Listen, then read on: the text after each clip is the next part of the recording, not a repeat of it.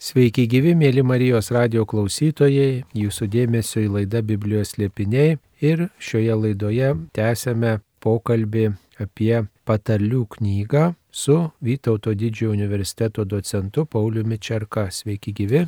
Sveiki.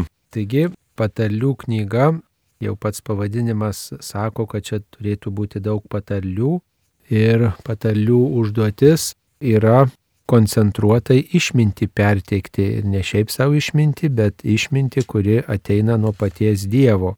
Išminties kilmė yra dieviška, nes ji kalba apie amžinus dalykus, kalba apie viešpatį, apie supratimą, apie teisingą pasirinkimą gyvenimo labirintuose.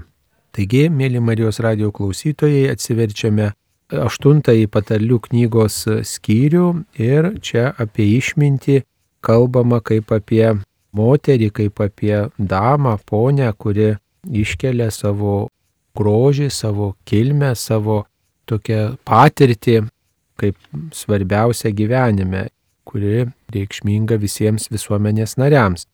Ir nuo aštuntos kiriaus pirmos eilutės skaitome, argi nešaukia išmintis ar nekelia supratimą savo balso, ant kalvų palei kelią kryškelėse atsistoja, priešais miesto vartus prie įėjimo į vartus šaukia.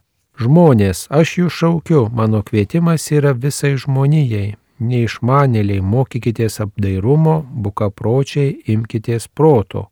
Klausykitės, nes kalbėsiu apie kilnius dalykus, iš mano lūpų ateis kas teisinga, mano burna tars tiesą.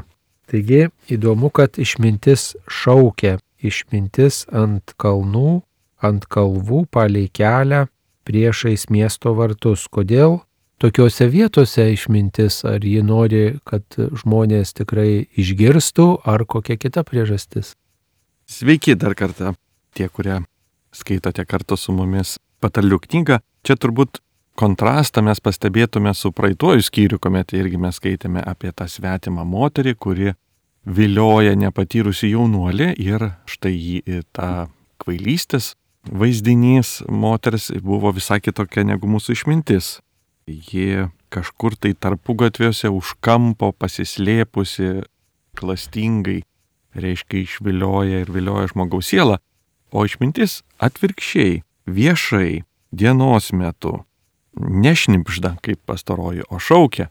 Tuo norėta pasakyti, kad jos šauksmas yra pasiekiamas kiekvienam žmogui.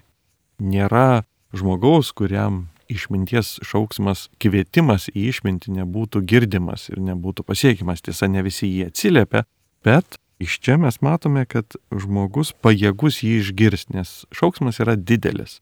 Ir išmintis šaukia, kaip jį šaukia, iššaukia, kaip mes šitam skyriui ir pamatysime, per Dievo kūrinijos grožį, sudėtingumą ir save, tai yra išminti išreikšta joje būtent per tai jie apeliuoja į kiekvieno žmogaus širdį.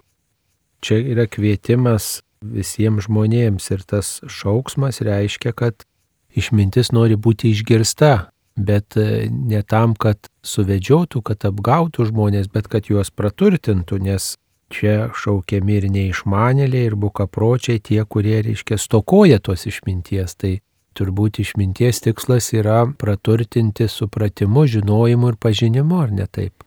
Taip, išmintis pirmiausia, norint eiti tuo keliu, būtina pripažinti savo būseną, jog man trūksta išminties, nes jei žmogus įsitikinęs, kad jis ją turi, na, tokiu atveju turbūt jis nebus linkęs jos įgyti.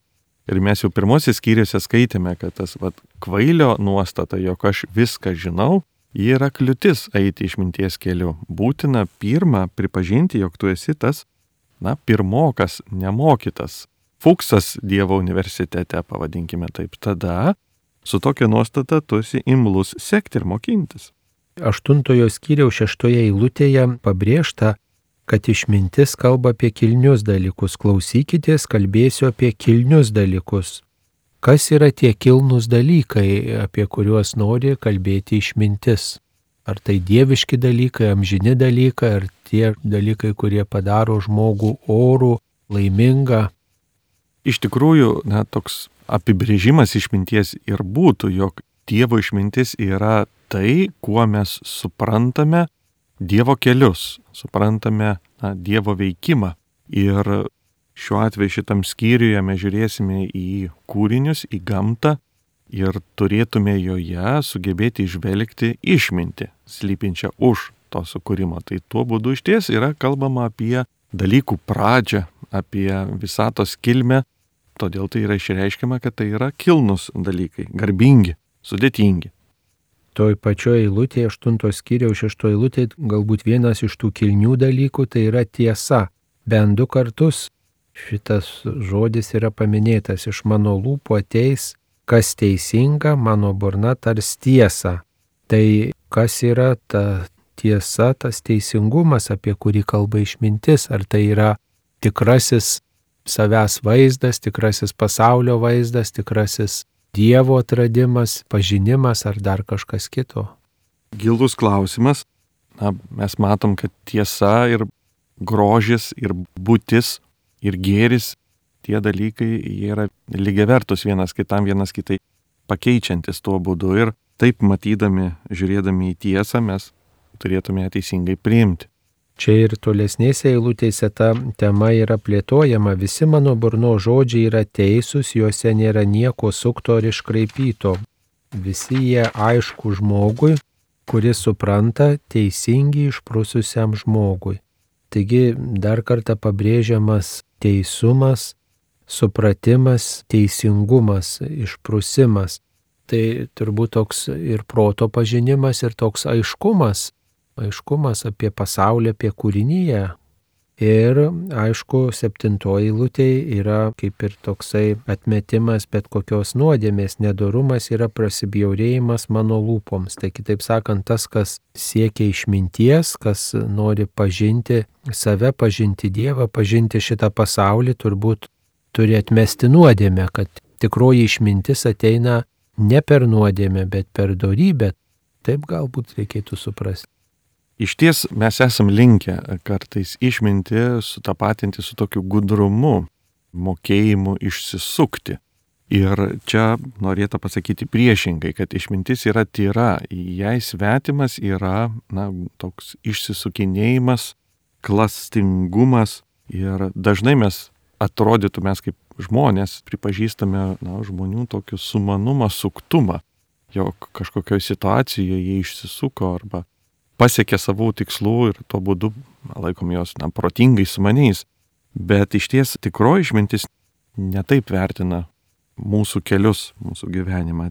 Pirmiausia, būtinas moralinis tyrumas. Ir šiuo atveju šitam skyriui, nors mes skaitysime apie gamtos grožį, kaip tokį, iš to yra išvedama, kad ta pati išmintis, kuris lypi už gamtos ir kūrinijos, kaip Biblija vadina, sudėtingumo, ta pati išmintis turėtų slipėti ir už moralinių pasirinkimų, jog tai yra viena ir ta pati, o ne dvi skirtingos išmintis, kaip mes žmonės norėtume gal ir atskirti, jog moraliniai pasirinkimai yra savo, na, o gyvenimas ekonominis, socialinis, kultūrinis, kitaip tariant, kažkoks, kur reikalinga tam tikra tvarka ir sistema, dėsningumas yra savo.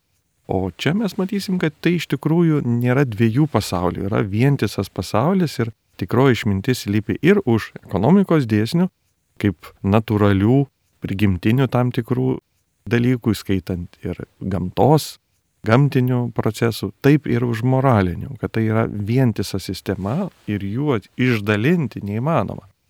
Įdomus dalykas yra apie aiškumą pasakyta. Ar tikrai tie išminties žodžiai yra aišku žmogui, kaip parašyta devintoji eilutė, visi jie aišku žmogui, kuris supranta teisingi išprususiam žmogui. Ar tikrai išmintis visada aiški, ar aiški tik tam, kuris išprusęs, kuris siekia pažinimo, kuris yra atviras ieškojimam, kuris atviras pačiam Dievui, ar tik tai tada aišku, ar gal ir tada nebūna aišku. Ne, čia tikrai nenorėtų pasakyti, ar ne, kad viskas mes galime įminti visas mislės, bet čia prieš pastatytas tas aiškumas prieš klastingumą, kad išmintis kalba tiesiai, nedviprasmiškai.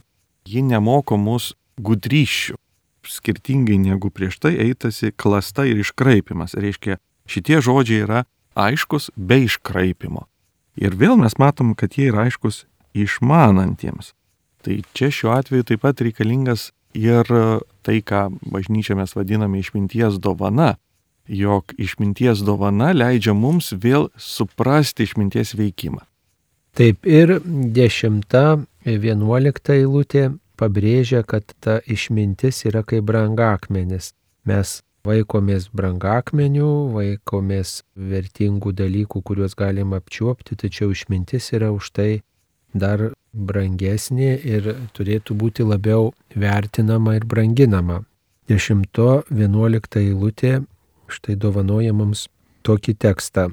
Imkite mano pamokymą, užuot ėmę sidabrą ir žinojimą, užuot ėmę gryną auksą, juk išmintis yra vertingesnė už brangakmenius, jokie rinktiniai turtai negali su jie lygintis.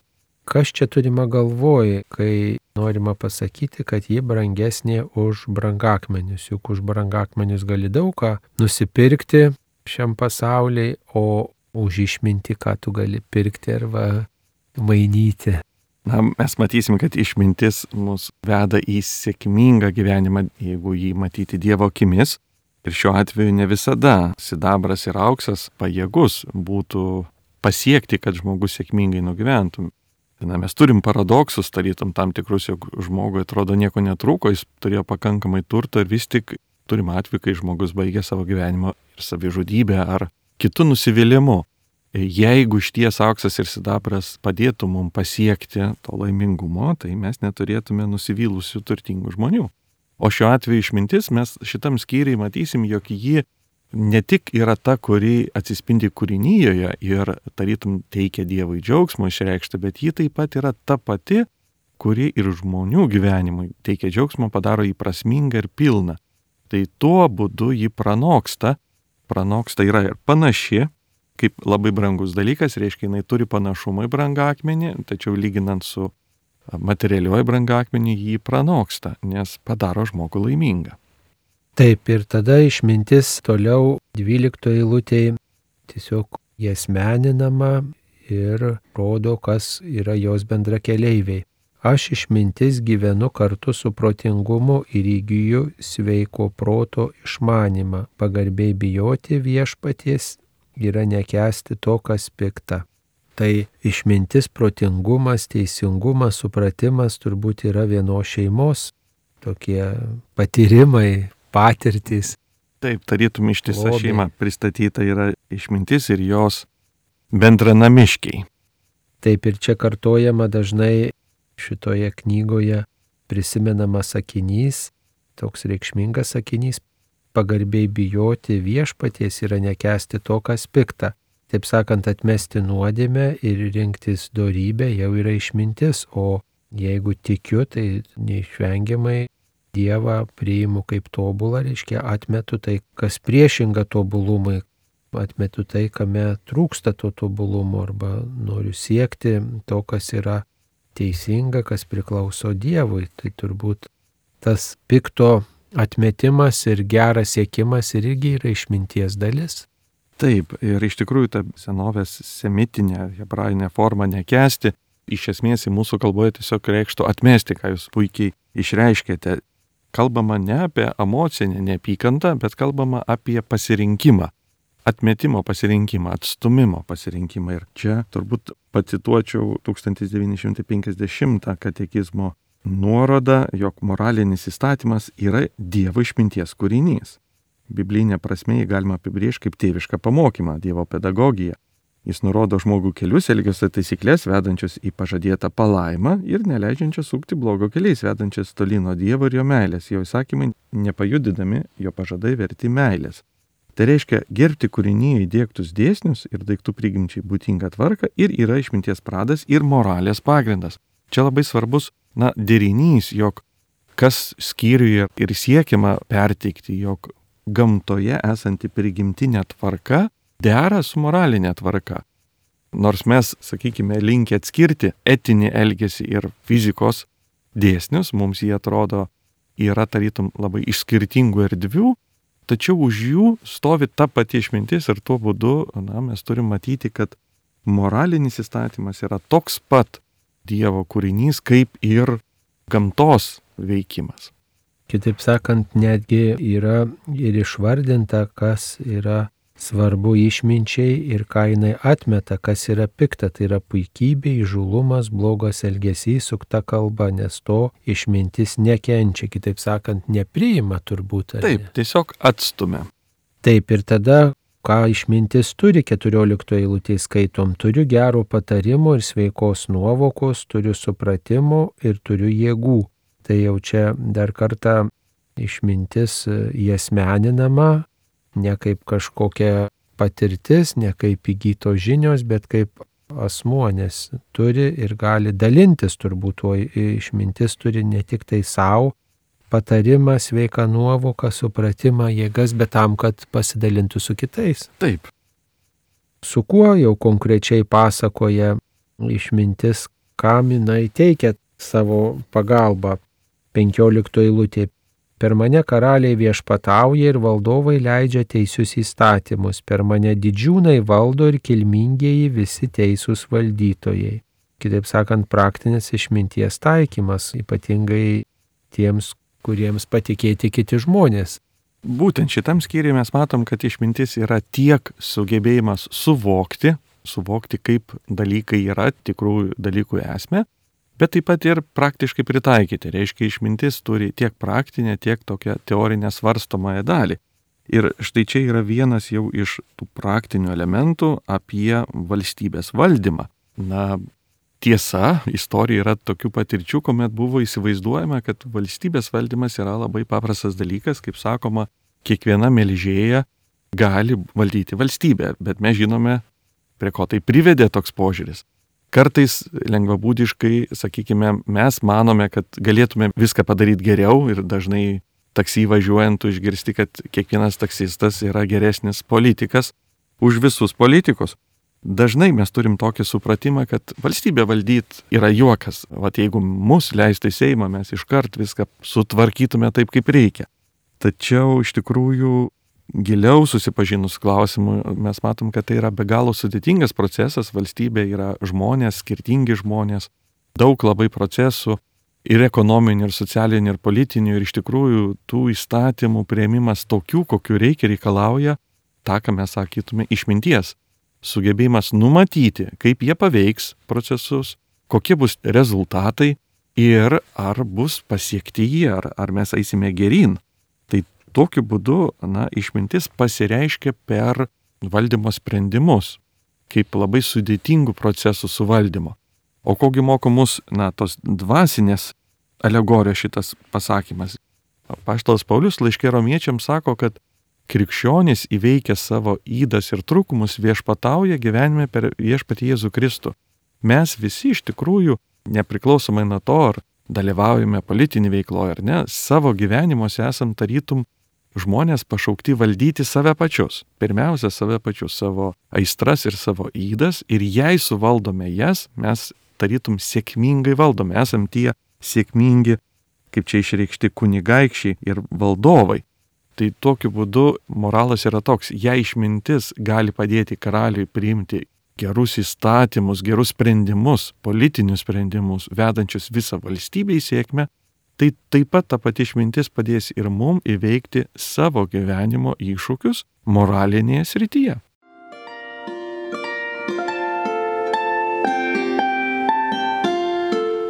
Jūs girdite Marijos radiją.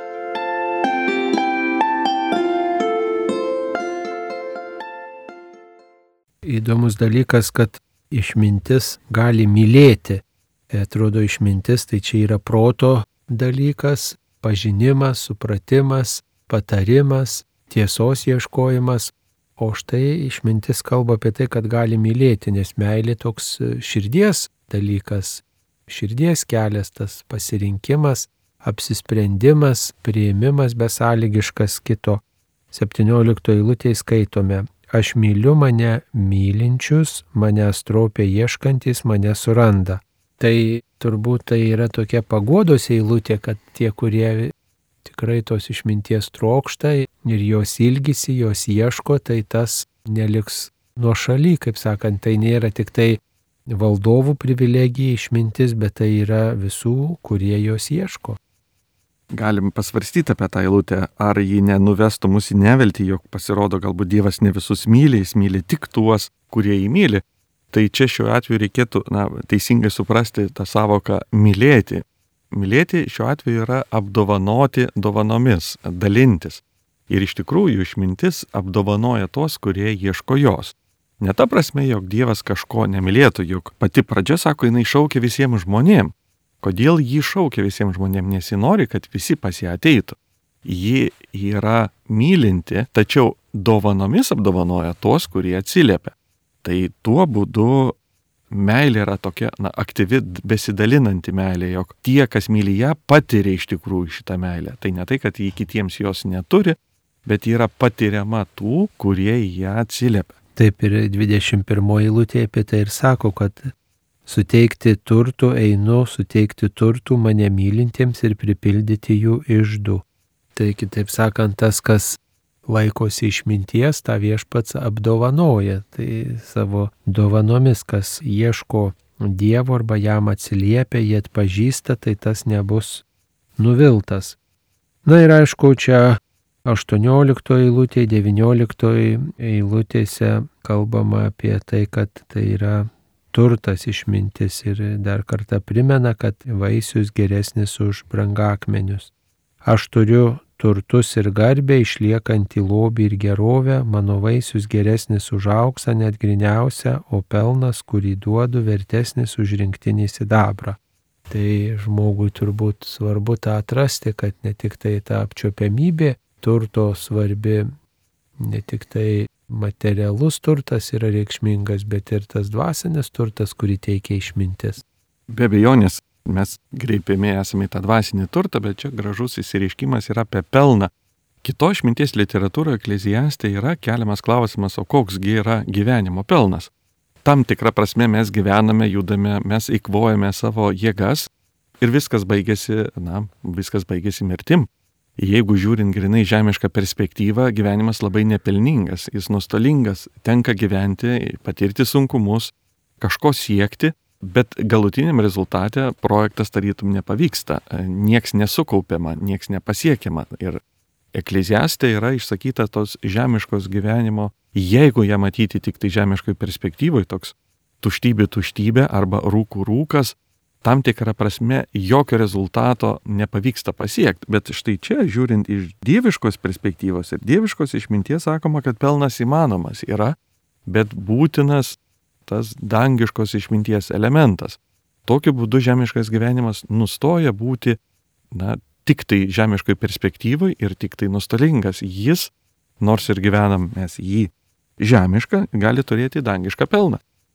Na ir nuo 22 eilutės jau rašoma apie tai, kaip toj išmintis atsirado, kad ji yra pirminė prieš visus kūrinius.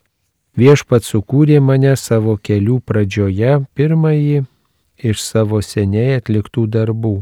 Prieš amžius buvau sukurta pačioje pradžioje, prieš žemės pradžią, kai dar nebuvo gelmių, buvau pagimdyta, kai dar nebuvo tekančių šaltinių Prieš padedant kalnų pamatus, prieš kalvas aš gimiau. Žemės ir laukų jis dar nebuvo padaręs nei pirmųjų pasaulio molio grumstų.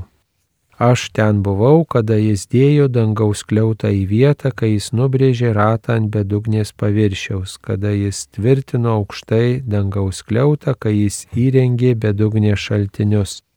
Na ir taip toliau, tai žodžiu, daug eilučių, kuriuose rašoma, jo kuriant pasaulį dalyvavo išmintis? Iš tikrųjų taip. Ir šitos eilutės turbūt yra labiausiai išdiskutuotos ir iškomentuotos eilutės patarlių knygoje. Ypatingai tam laikotarpį, kuomet bažnyčioje kilo diskusija dėl Kristaus kaip amžino žodžio, logos prigimties, buvo remiamas į šitą aštuntąjį skirsnį ir, kaip sakiau, daugiausia komentarų ir iš tikrųjų jis labai sudėtingas. 22 eilutė iki pat dabar na, kelia diskusijas, kaip ją dėrėtų versti, nes graikiškam tekste iš ties yra žodis sukūręs savo kelių pradžioje, bet hebrajiškas tekstas naudoja žodį kana kuris na, neturi tokio tikslaus vieno lietuviško atitikmens, jis paprastai reikštų įsigyti, nusiperkant, įsigyti kažką sumokant. Ir jo idėja yra tokia, kad ką reiškia, kai žmogus įsigyja? Tai nereiškia, kad jis prieš tai to neturėjo. Jis iš esmės turėjo potenciją tam, o vėliau tai aktualizuoja. Jeigu aš įsigijau žemės klypą, tai prieš tai aš turėjau pinigus, jie buvo nematomi, o įsigijus kažką, jie tapo matomi. Ir va tas procesas turėti arba įsigyti, jis nereiškia, kad tas yra sukūriamas, kas nebūta, bet daugiau tai rodoma, kad parodoma viešai, kas turėta. Tas procesas yra toks, kad aš iškeliu į viešumą, ką prieš tai turėjau savyje. Pradžios knygoje, kuomet Jėva kalba apie kaino gimimą, jinai sako, aš įsigijau žmogų viešpatės pagalba. Ir reiškia, čia šiuo atveju pritaikomas yra gimimo procesas pradžios knygoje, kuomet moteris pagimdo, tai ji nepagimdo kažko, kos nebuvo. Jis turi vaiką savyje, savo iššiose, bet jis yra nematomas. Gimimo procese tai, kas nematoma yra viduje, staiga tampa matoma. Ir šitom skyriui mes matom ne vieną kartą ar nepasakyta, aš buvau pagimdyta. Nepasakyta, aš buvau pradėta, tarytum tai, kas nebuvo ir atsirado, bet aš buvau pagimdyta, tai palyginus vat, su tuo procesu, kuomet vaikas gimsta iš vidaus, iš iššių, jisai tampa matomas pasauliui. Ir čia norėtų pasakyti, kad kai Dievas kūrė, jis jokių būdų nesukūrė iš pradžių išminties, o paskui per ją kūrė visą kitą. Išmintis yra amžina, jinai yra su juo. Na, gautųsi paradoksas, jeigu mes taip suprastume tą eilutę, nes gautųsi, jog neišmintingas Dievas sukuria pačią išmintį. Bet 23 eilutė kažkaip ta mintis tokia gali mums ateiti į galvą, prieš amžius buvau sukurta. Tai čia yra vertimo niuansas, bet pabrėžiama, kad aš jau buvau prieš. Kada aš atsiradau nepasakyta. Pasakyta, kad aš buvau prieš ir iš tikrųjų mes kiekvieną sekmadienį išpažįstame apie Kristaus amžino žodžio prigimti, jog jis yra amžinas, nesukurtas ir amžinybėje pradėtas tėve. Ir iš tikrųjų, vat, šitą skyrių, na, paskaičius, parekomenduočiau klausytojams dar kartą perskaityti Evangelijos pagal Jono pirmą skyrių. Pradžioje buvo žodis. Ir tai, ką, na, graikiškoje terminologijoje mąstytojai skiria logosui, tam tikrai, na, visuotiniai tvarkai, esančiai už visų daiktų, tai žydiškas mąstymo būdas išreiškia per išmintį, jog ji yra prieš visus, ji yra pirma visų, tai nereiškia, kad ji pirma atsiranda, bet ji yra anksčiau negu bet kuris dalykas atsirastų, o jos atsiradimo mes neturime pradžios, nes pats laikas atsiranda iš jos. Tai Kristus neturi pradžios, jis yra amžinas, jis būdamas Dievo išminties visada buvo Dieve. Bet kas vyksta, kuomet Dievas sukuria pasaulį? Tai, kas yra Dieve, staiga tampa matoma mums. Nematoma Dievo išmintis, pasislėpusi Dieve, staiga tampa mums matoma per kūrinius jinai atpažįstama. Reiškia, matydami gamtą, matydami tą grožį kūrinyjoje, mes staiga matome tai, kas savo prigimtim yra nematoma. Mes už jos, už tos kūrinijos matome išreikštą išmintį. Štai tokiu būdu jinai yra pagimdyta. Ne ta prasme, kad ji atsiranda, bet ji gimsta iš Dievo vidaus į matomą pasaulį. Kitaip sakant, kai kurie tyrinėtojai siūlo versti tą buvau sukurta, buvau išlieta. Tai kitaip sakant, jinai buvo, bet va, tapo regima tie. Tapo regima. Išminties vaisiai tapo apčiuopiami. Ji buvo nematoma ir ji tapo matoma. Kaip pirmoje eilutėje Jono Evangelijoje pasakyta, pradžio buvo žodis, žodis buvo pas Dievą, visa per jį atsirado. Jis buvo su Dievu. Jis jau buvo, kai vis atsirado, jis buvo. Tai reiškia, jis nėra atsiradęs, bet per jį atsiranda visa. Ir čia iš tikrųjų yra jau pirmas, na, toks bandymas gilus, bandymas permastyti kūrinyje. Jei pradžios knygoje yra daugiau akcentuojama, kad kūrinyje yra gera, tai vad išminties literatūroje mes sutinkame kitą aspektą, jog Dievas išmintingai visą sukūrė. Visa, kas sukurta, yra išmintingo Dievo išmintingai sukurta. Ir vad kūrinyje atsispindi, kad Dievas kūrė ne tik iš meilės, bet taip pat ir išmintingai. Na čia galima tiesiog labai gerai suprasti, kad ta išmintis dalyvavo, kai buvo kuriami šaltiniai, kalnų pamatai, kalvos, žemė, laukai ir tiesiog molio grumstai įmami buvo, tai jau išmintis tenai dalyvavo. Bet štai mums atrodo dar vienas toksai klausimas atviras ir čia vat gal galime panalizuoti. Reiškia, dangaus kliautą tvirtino ir bedugnės šaltinius įrengė, išmintis tenai buvo. Bet 29 eilutė rašoma, kada jis paskyrė jūrai ribas, kad jos vandenys niekad neperžengtų jo įstatymo. Tai, na, išmintis ne tik tai sukuria, bet jinai turbūt ir duoda tam tikrą kryptį ir tam tikrą tvarką, kaip toliau būti tiem kūriniams. Turbūt va toks dar aspektas yra. Taip, iš tikrųjų šitam vaizdinyje mes matome na, terminus, kurie mums asocijuojasi su būtiniais jūros terminais arba va, tų grumstų, kalnų ir kitų dalykų. Tačiau šios savokos yra paimtos iš pradžios pirmųjų skirsnių ir kalba, na, šiek tiek kitus dalykus, negu mes galim pagalvoti grinai būtinė kalba. Ši jūra tai ne mūsų jūra, kuriai nubrėžiamas yra ribos, tai yra ta pirma pradis vandenynas, virš kurio sklando Dievo dvasia ir kuris egzistuoja tas pradinis chaosas arba nebūtis. Ir šiuo atveju na, galėtume tik pasvarstyti, kas tai galėtų būti, bet idėja pradžios knygoje yra tokia, kad toje nebūtyje Dievas kuria. Dievas kuria ir iš nieko sukuria pasaulį, nors egzistuoja toks tarytum priešiškas chaosas kaip vandenynas, kuris vadinamas arba ta didžiaja jūra vandenynų. Štai čia pasakyta, kad išmintis nurodo jai ribas, tai jūrai ribas, čia ne Baltijos jūrai nustatytos ribos, o tai nebūčiai ir chaosui, jog jis nebegali sunaikinti sukurto Dievo pasaulio ir Dievo išmintimi mes laikomės, mes nesuyyrame. Kažkaip egzistuoja tam tikros fundamentalios jėgos, taip vadinamos fizikoje, kurios palaiko esamas traukas ir jėgas, na ir visa mūsų materija nesuyra. Nors visata ir plečiasi ir turi ribas, mes galim tik pasvarstyti, o kas yra už tos ribos, už visatos ribos, tai pagal tą senovinį hebrajišką mąstymą ir būtų vanduo, ta nebūtis, tarytum priešiškas vandenynas. Tai čia mes sutinkame tokį vandenyną, apie kurį apriškimo jau knygoje bus pasakyta, kad naujoje žemėje ir naujame danguje nebebus jūros. Eina kalba jau ne apie jūras, kaip mes suprantame, polisio prasme, vad Baltijos jūra, kurią mylime, bet eina kalba apie tą chaoso jūrą. Jos nebebus, o šitoj pirminiai kūrinyjei išmintis tą jūrą suvaldo, nubrėžė jai ribas. Dėl to iš principo egzistuoja būtis, nes nebūtis aplink ją yra suvaldyta. Gilus filosofiniai klausimai tiesiog išreikšti per kasdieniškus vaizdinius. Taip, kurie pažįstami žmonėms iš jų patirties. 30 eilutėje išmintis pristatoma kaip patikėtinė, Kaip tą galime suprasti? Tuomet aš buvau su juo kaip jo patikėtinė, kasdien buvau jo džiaugsmas, visat prieš jį džiūgaudama, džiūgaudama jo gyvenamame pasaulyje, rasdama džiaugsmo žmonijoje. Taigi patikėtinė, kuri teikia džiaugsmą, kas čia turima galvoje. Vėlgi mes patenkame į vieną iš tų eilučių, kur be galo daug yra diskusijų ir vertėjams tenka rinktis vieną ar kitą sprendinį, nes nėra iki galo sutariama, ką galėtų reikšti hebrajiškas žodis amon ir vieni vertėjai pasiūlo vertimą.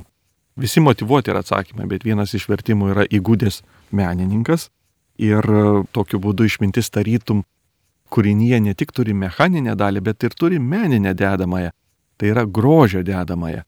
Labai svarbus aspektas, jog į kūrinyje mes negalim žiūrėti tik tai kaip į tarytum veikiančią mašiną, tačiau taip kaip į meno kūrinį, kaip į gyvą, pulsuojantį ir grožį išreiškinti meno kūrinį. Tai vieni vertimai ir lietuviški vertimai verčia kaip įgūdęs menininkas.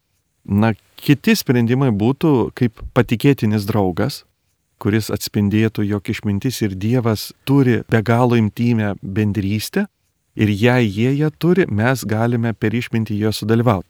Tai atitiktų ir kristologinį supratimą, jog Kristus ir tėvas yra viena, na, o žmogus yra šaukiamas krikščioniškam tikėjimai tos dalyvauti toje bendrystėje.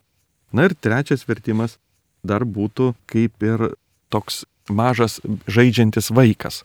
Ir čia būtų žaismas džiaugsmo išraiška, jog išmintis tarytum žaidžia, ji linksminasi, jog kūrinyje mes matome ne tik e, viską tokį šaltą išskaičiavimą, bet ir žaismingumą, tarytum jaunuolio pajokavimus.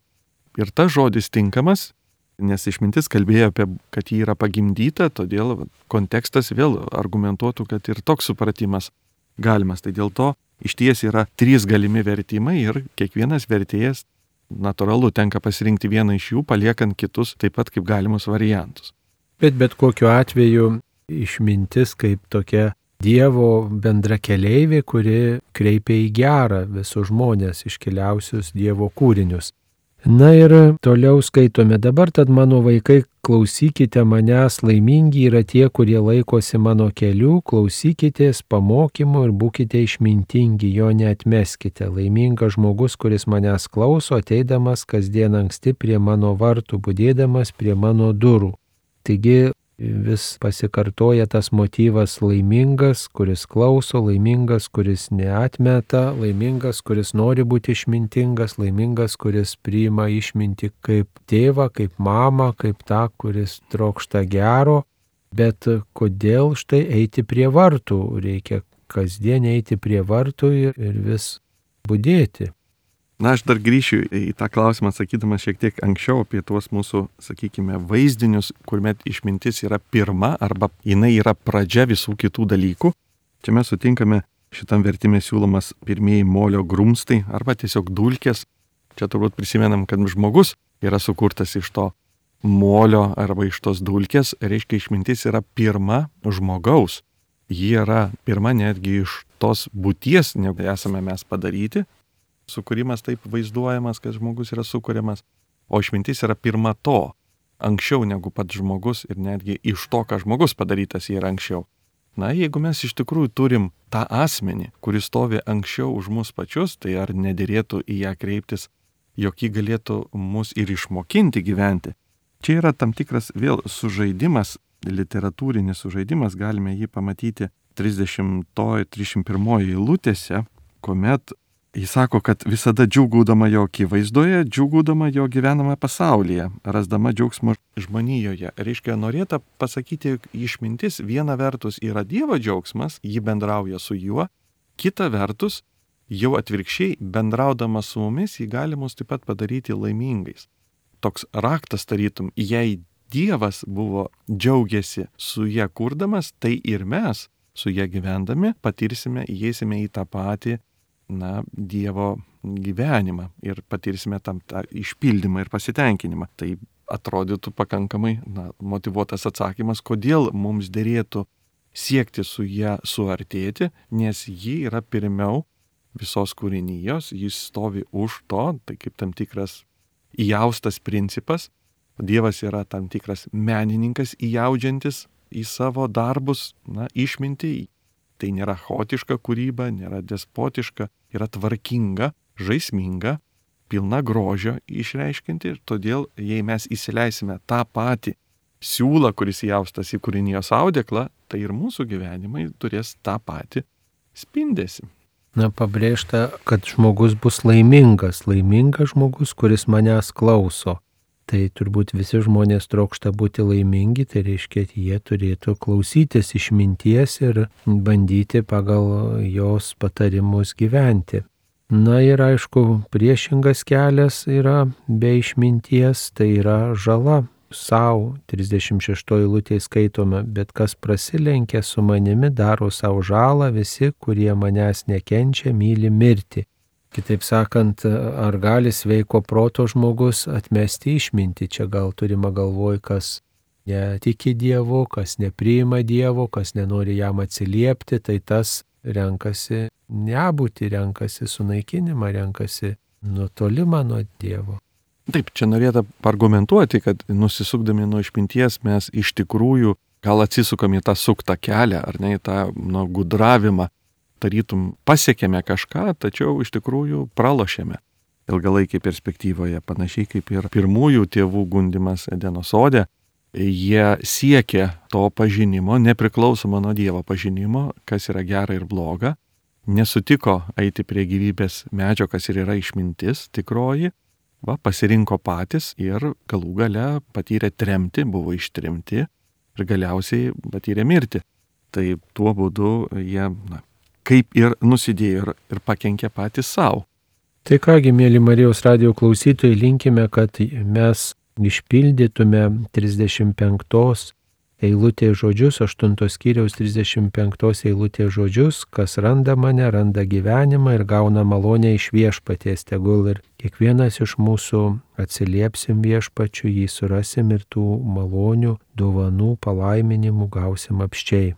Šioje laidoje Vytauto didžiojo universiteto docentas Paulius Čerka kalbėjo apie patarlių knygos aštuntąjį skyrių. Įkalbino aš kunigas Saulis Bužauskas. Visiems linkime atrasti gyvenimą remiantis į Dievo teikiamą išmintį. Ačiū sudė. Sudė.